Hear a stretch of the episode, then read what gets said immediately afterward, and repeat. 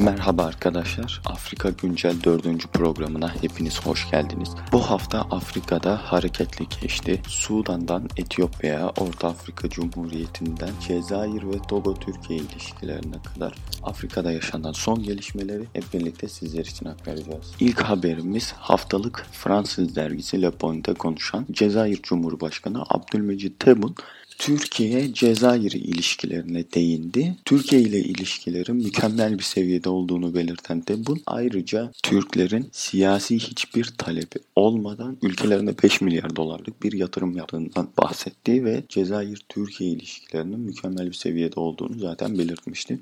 Ayrıca iki ülke ilişkileri anlamında bir diğer önemli gelişme de 1988 yılında karşılıklı anlaşmaya varılmış olan Seyru Sefer Anlaşması uzun yıllar boyunca Cezayir yönetiminin onayından geçmediği için devreye giremiyordu bu anlaşma. Ancak bu hafta iki ülke arasındaki önemli gelişmeler bu şekildeydi. Bir diğer haberimize geçiyoruz. İlk defa bu sene faaliyete geçirdiğimiz e, Türkiye-Togo Büyükelçiliği sonrasında iki ülke ilişkileri anlamında önemli bir gelişme daha yaşandı. Türkiye'nin girişimleri sonucu Batı Afrika ülkesi Togo'da FETÖ'ye ait okul kapatıldı. E, bu hafta Türkiye'ye bir ziyaret gerçekleştiren Togo Dışişleri Afrika İntegrasyon ve Yurt Dışı Togolular Bakanı Albert Dusey, e, Mevlüt Çavuşoğlu ile ikili bir görüşme gerçekleştirdi. Ortak basın toplantısında e, sahil bölgesindeki güvenliğin ve istikrarın sağlanabilmesi adına Türkiye ile çalışmaya devam edilmesi gerektiği aktarıldı. Togo'nun direkt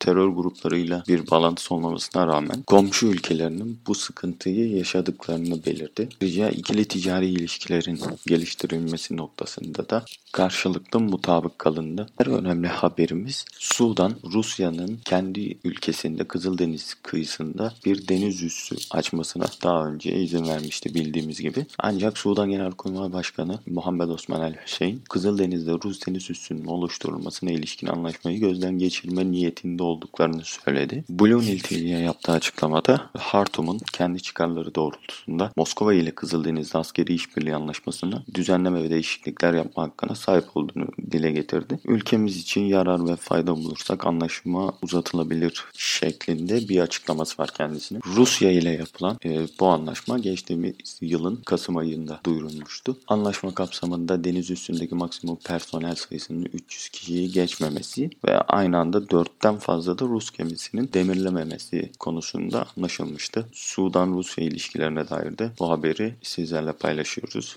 Hareketli bir hafta olduğunu söylemiştik kıtada. Bu kapsamda diğer haberimize geçiyoruz. Etiyopya'da binlerce kişi Amerika'nın ülke siyasetine müdahale ettiğini savunarak protesto gösterisi düzenledi.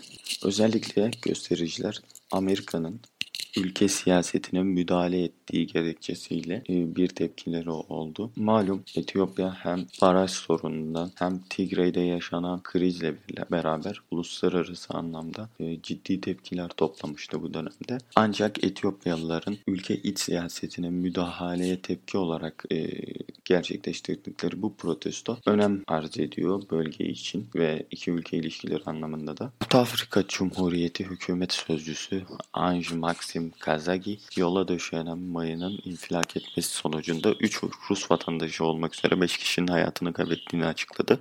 Rusya'nın Bangui Büyükelçisi Vladimir Tutarenko Sputnik'e verdiği açıklamada Orta Afrika Cumhuriyeti yönetimi mayın patlaması sonucu Rus vatandaşı olan 3 uzmanın hayatını kaybettiğini bildirdi. Ee, edinilen bilgiye göre bu 3 uzmanın e, özellikle Kamerun'a giden önemli bir yolun ele geçirilmesi noktasında askerlere yardım ettiği açıklandı. Bunlar ne kadar sivildir hmm, tartışmaya açık. Bildiğimiz üzere geçtiğimiz yıl Nijer Dosto'da Fransız insani yardım çalışanları da yolda öldürülmüştü. Bu anlamda yabancıların kimliklerini bilmiyoruz. Ayrıca Fransa Cumhurbaşkanı bu hafta Güney Afrika Cumhuriyeti'nin ilk resmi ziyaretini gerçekleştirdi. Fransa Cumhurbaşkanı Emmanuel Macron yürütme başkenti Pretoria'da Güney Afrikalı mevkidaşı Ramaphosa ile bir araya geldi. İki ülke arasında gerçekleştirilen görüşmede hem COVID-19 Covid-19'un artan etkisi hem de Mozambik'te yaşanan son terörle mücadele ele alındı. Görüşmenin ardından düzenlenen basın toplantısında Macron Covid-19 aşılarının üretiminin yaygınlaştırılması için e, fikri mülkiyet hakkından vazgeçilmesi konusunda Afrika'yı desteklediklerini dile getirdi. Ramaphosa ise Covid-19 aşı üretiminde ve tedarinde yaşanan küresel eşitsizliğe dikkat çekerek aşı konusunda apartheid rejimi olduğunu vurguladı. Ayrıca iki ülke